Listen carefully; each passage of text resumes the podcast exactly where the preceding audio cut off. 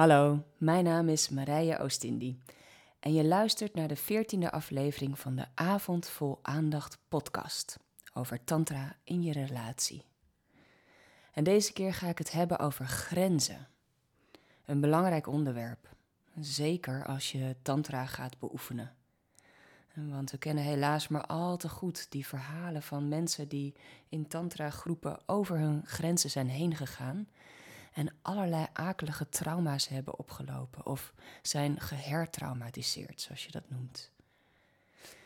Maar we kennen het helaas soms ook maar al te goed in ons dagelijks leven, waarin we soms ook heel makkelijk onze grenzen uit het oog verliezen. En bijvoorbeeld in ons werk of in onze liefdesrelaties. Het contact met andere mensen is zo belangrijk voor ons. En soms zijn we gewoon net iets te bereid om onszelf wat aan de kant te schuiven. Gewoon om maar samen te kunnen zijn met een ander. En voor even is dat natuurlijk niet zo'n groot probleem. Soms doe je gewoon het water bij de wijn. Maar als je dit lange tijd doet, dan zou het zomaar kunnen dat je jezelf terugvindt uitgeput, ondergewaardeerd en met weinig zelfrespect. Dus we het erover hebben en beginnen bij het begin. Want wat zijn grenzen eigenlijk? Nou, als je veel spiritueel werk gaat doen, zoals meditatie, lichaamswerk, zelfonderzoek, en dan krijg je hopelijk ooit die hele bijzondere ervaring waarin je heel direct ervaart: wow, en we zijn allemaal ten diepste één. we zijn allemaal gemaakt van hetzelfde. En we komen uit dezelfde bron. En dat zou je kunnen vergelijken met goud. Als goud gesmolten is, dan is het één geheel, een soort soepje. Maar als je het in een vorm giet en het stolt, dan kan dat ene soepje ineens allemaal verschillende objecten worden. Een ring, een paar oorbellen, een ketting. En precies zo zijn wij hier op aarde. Allemaal gemaakt van hetzelfde oermateriaal, maar ook individuen. En een kenmerk van een individu is dat het grenzen heeft. Ik ben echt iemand anders dan jij, zelfs al zijn we deep down hetzelfde. En op die grens, dat is de plek waar we elkaar ontmoeten. Op die plek voelen we elkaar regelmatig goed aan en kunnen we elkaar inspireren of liefde in elkaar wakker maken. Maar op die plek gaat ook wel eens iets mis. En voelen we elkaar helemaal niet goed aan. Of wekken we elkaars woede of argwaan op. En soms wordt daarbij onze grens overschreden. Of wij overschrijden andermans grens. Nou zijn grenzen niet altijd hard en ze staan niet altijd vast. En je zou je grenzen kunnen vergelijken met de grenzen van een levende cel. En daar heb je vast iets over geleerd vroeger ooit bij biologie. En die noemen we permeabel, doorlaatbaar. En ze houden buiten wat je niet dient en wat toxisch of giftig voor je is. Maar ze laten ook voeding en inspiratie binnen. je grenzen veranderen voortdurend en van persoon tot persoon en van situatie tot situatie zullen ze anders zijn. Nou, misschien ken je het wel, dat je met iemand koffie zit te drinken en je begint wat gereserveerd of aftastend in het begin. En na een tijdje ben je opgewarmd naar diegene, wordt het gesprek persoonlijker of intiemer en dan liggen je grenzen ineens anders. Je komt dichterbij, je laat meer zien van jezelf en misschien raken jullie elkaar zelfs aan. En vervolgens zou het zomaar kunnen gebeuren dat de ander iets zegt waar je van schrikt. Nou, of jij zegt iets waar de ander van schrikt. En ineens haal je wat oppervlakkiger adem, en verstijf je wat en voel je je weer wat verder weg. Verder weg van de ander, maar misschien ook van jezelf. En dan gaat de verdedigingslinie aan. En je wachters trekken een streep en de ophaalbrug gaat omhoog. En dit is gezond. Want we hebben grenzen nodig om goed voor onszelf te kunnen zorgen.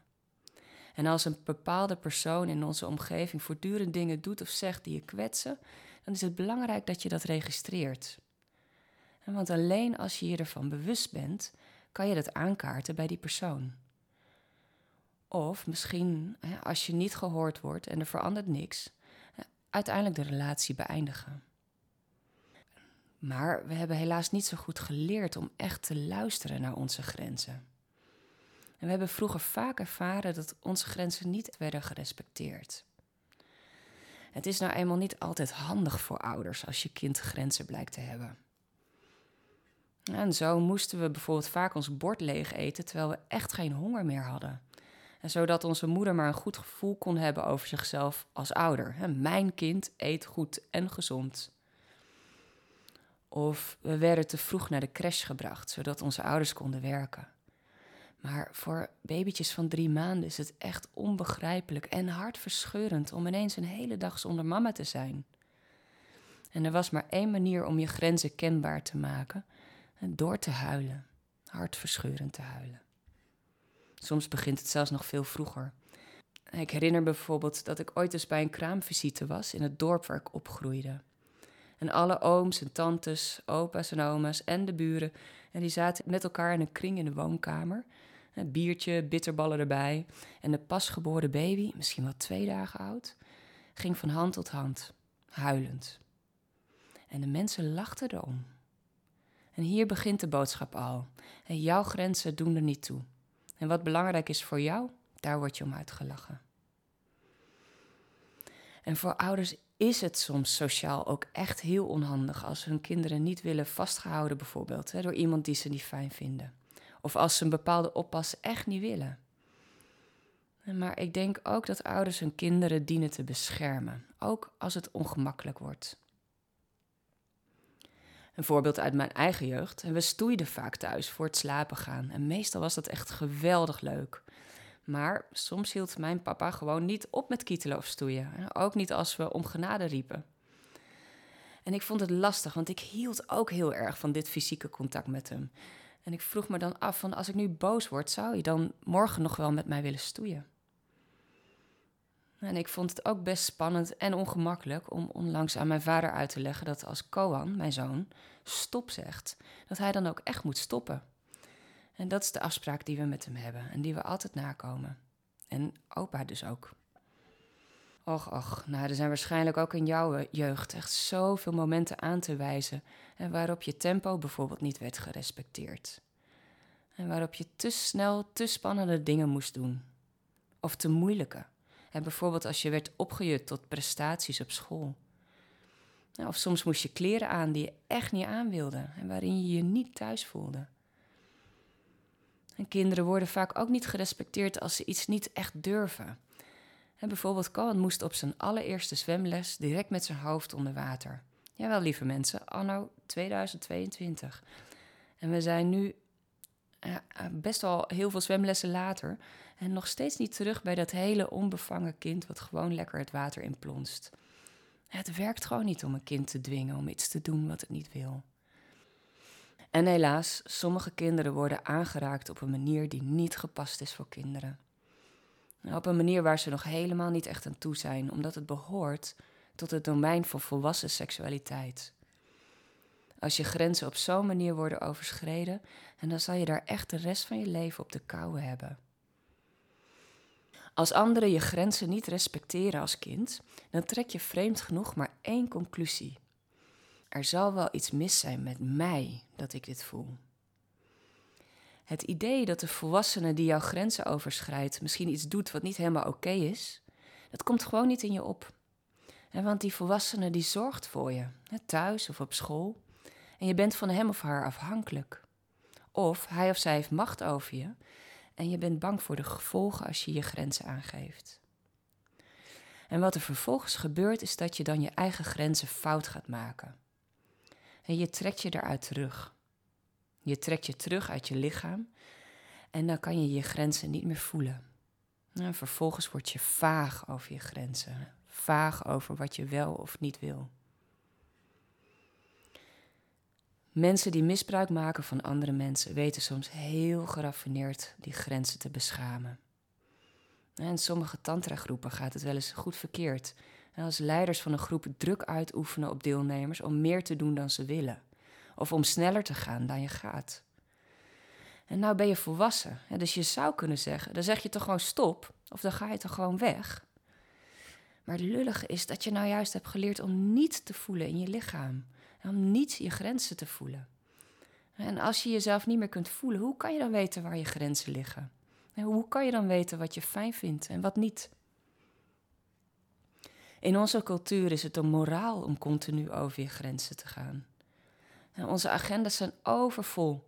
Het lijkt belangrijker om succes te hebben en druk, druk, druk, druk te zijn, en dan om een fijn, ontspannen, vervullend leven te leiden. En ik ben daar ook niet vrij van. Soms is mijn to-do-lijst afvinken ook belangrijker dan mezelf voelen. Hard werken is de norm. En we nemen geen tijd om stil te staan, geen tijd om te voelen. En daarvoor gaan we veel te snel. Want als je dan langzaamaan zou doen, een keertje wel stil zou staan, dan zou het zomaar kunnen zijn dat het je aanvliegt. En want ineens ga je dan voelen wat je werkelijk allemaal ervaart. Wat een druk, wat een intensiteit. Kan je dat eigenlijk wel hebben? En liever zetten we soms dan de blik op oneindig en denderen we maar door. En bang dat het kaartenhuis inzakt als we ook maar even stilstaan.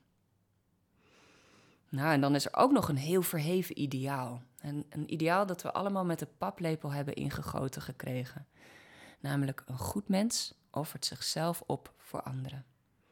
Een goed mens staat altijd klaar voor anderen. Maar als er iets goed is, is er ook altijd iets fout. Als je jezelf op één zet, dan ben je asociaal.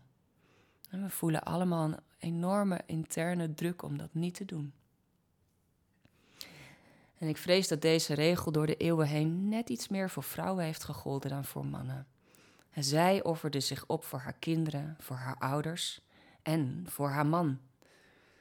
En dankzij haar zorg voor iedereen die belangrijk voor hem is, schopt hij het ver in de wereld. En er zijn heel wat verhalen bekend van vrouwen die boeken schreven die onder de naam van hun man uitgegeven werden. En van vrouwen wiens schilderijen werden tentoongesteld onder een mannelijk pseudoniem. En tegenwoordig erkennen we dat gelukkig als zeer grensoverschrijdend.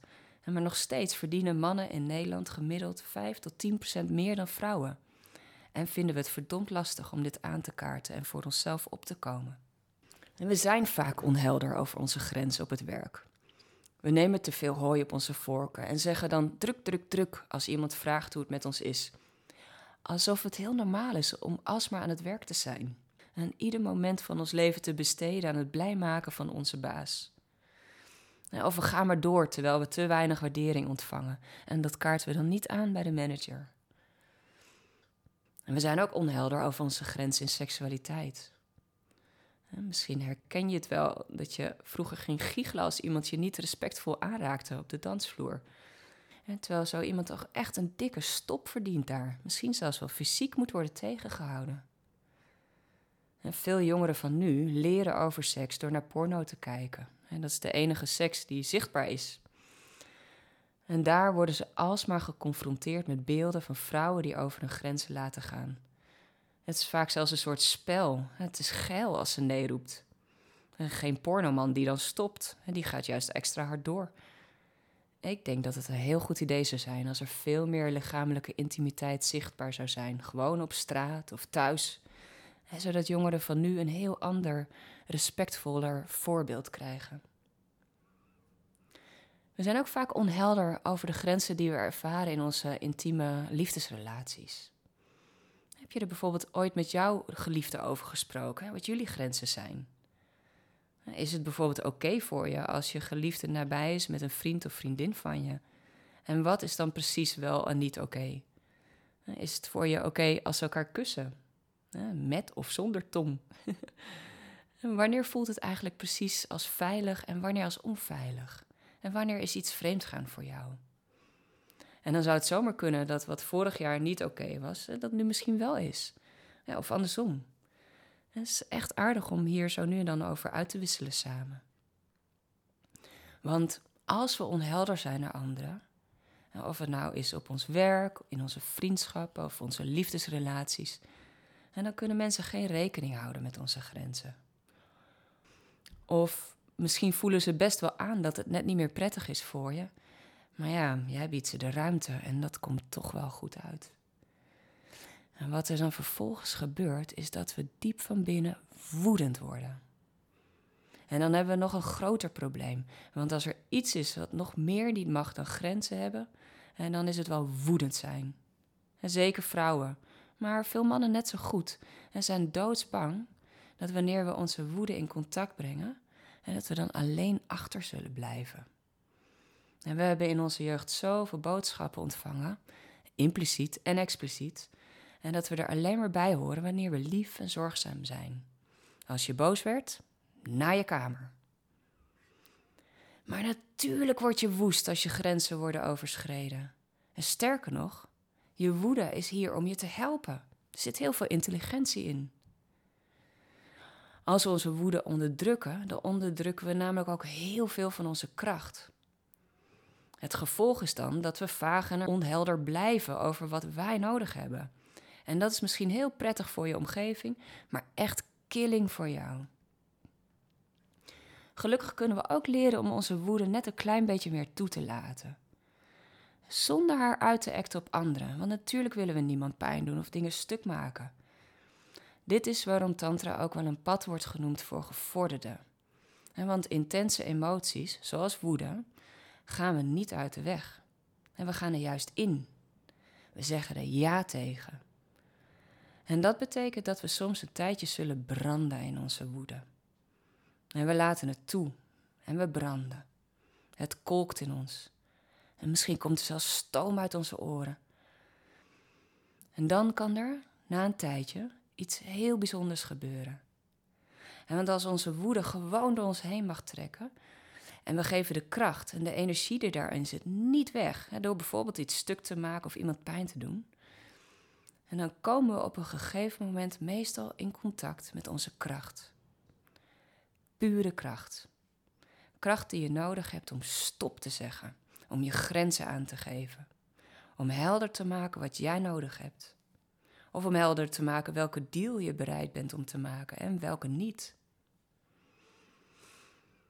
En nou zei ik het al, hè, grenzen staan niet vast. Er zit vaak ruimte in of rek in of ze veranderen.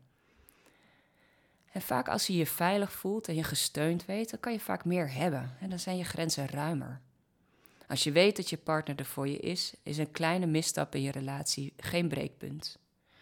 Maar als je niet helemaal zeker bent van je relatie, dan betekent die misstap misschien wel het einde ervan. Een grens bereikt. En ook als je tantra gaat beoefenen, zal je merken dat je, en wanneer je je veilig voelt en zeker weet dat je gerespecteerd en gesteund zal worden, misschien soms oefeningen doet die je van tevoren nooit had gedacht ooit te zullen doen. En een beetje buiten je vaste routines, je patronen of je bekende vorm te gaan, dat is in principe ook helemaal niet erg. Sterker nog, ik denk dat het zelfs noodzakelijk is voor je levensgeluk. En want groeien en rijpen aan het leven, dat is een enorm verlangen in ieder van ons. En groei, dat vindt altijd plaats op nieuw terrein, buiten je comfortzone. Als je iets nieuws uitprobeert, ga je eigenlijk dus altijd, per definitie, een grens over. Maar voelt het leuk spannend of eigenlijk te spannend? Dat kan je lichaam je vertellen. Als het leuk spannend is, dan heb je misschien zweethandjes of klotsoksels. En je hartslag gaat wat omhoog, je hebt het warm. Maar je bent ook nieuwsgierig. En je voelt ook energie of levensvreugde. En je hebt zin om iets nieuws te ontdekken. En je voelt dat je er bent, dat je leeft. Is het te spannend, dan kan je niet meer echt goed aanwezig zijn in je lichaam. Iets in je is dan geschrokken en dan kom je terecht in de vecht, vlucht of verstijfmodus. En je zenuwstelsel is dan op tilt geslagen en je bent hyperalert. Als gevolg daarvan voel je je lichaam niet meer echt. En vaak voelt het alsof je omhoog getrokken bent, weg uit je bekken, weg uit je hartstreek en vooral nog in je hoofd. En voor mij, als ik dit meemaak, dan voelt het zelfs soms alsof ik van boven of achter mijn hoofd alleen nog maar waarneem. Nou is het lastige van zulke schrik dat het echt moeilijk is om dat te registreren. Want wie is er eigenlijk nog? En soms ga je dan gewoon door waar je mee bezig was. En zeker als je aan het vrijen bent, is dat echt heel akelig. Um, als je je nou eens afvraagt of je misschien over je grens bent gegaan, en dan kan je altijd deze check doen. Onthoud hem goed. Je kan altijd checken, voel ik mijn billen nog op het kussen of op de stoel als ik zit? Of als ik lig, de hele achterkant van mijn lichaam. Of als je staat, kan je je voeten nog voelen op de vloer. En misschien probeer het nu maar eens. Dan kan je het contact voelen met die plek waar je voelt dat je wordt gedragen. En als je dit contact met de grond onder je kunt voelen, dan weet je dat je er bent. Als je het niet meer kan voelen, dan heb je iets nodig om weer terug te komen. Terug in je lijf. Allereerst stop met wat je aan het doen bent. Als je samen met iemand anders bent, zeg dan dat je wat tijd nodig hebt. En neem een time-out. En dat kan je zeggen. Ik heb even een time-out nodig. Bouw rust en ruimte voor jezelf in. En hier zet je jezelf op de allereerste plaats. Echt. Je kan voor niemand anders zorgen als je niet eerst voor jezelf zorgt. In het vliegtuig zeggen ze niet voor niks: zet eerst je eigen zuurstofmasker op.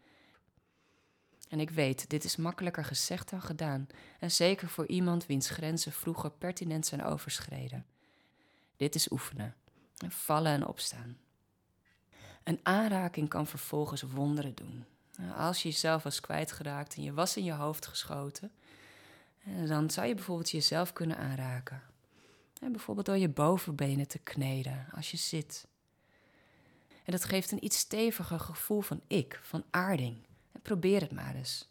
Misschien ben je in de gelegenheid nu je aan het luisteren bent. En ik heb ook een hele fijne aanraakoefening ingesproken die je met jezelf kunt doen. En misschien vind je het aardig om die eens te proberen. En je vindt de link daarnaar in de show notes bij deze episode. Soms werkt het nog beter als je je kunt laten aanraken of omhelzen door iemand die je vertrouwt. Niet eventjes, maar liefst zeker een paar minuten. Een aanraking waarin er niets hoeft, waarin je eenvoudig kunt rusten. En dat is voor ons zenuwstelsel de aller, allerbeste manier om weer te kalmeren en te aarden. Want in contact met dat andere lichaam kan jij jouw fysieke grenzen weer voelen. En dan weet je dat je er bent, op jouw manier, in jouw lijf. Een geweldige mogelijkheid van ons mens zijn. Nou, ik hoop dat je hier iets aan hebt. Dankjewel voor het luisteren. En vergeet niet om jezelf te abonneren op de Avond Vol Aandacht podcast. Dankjewel.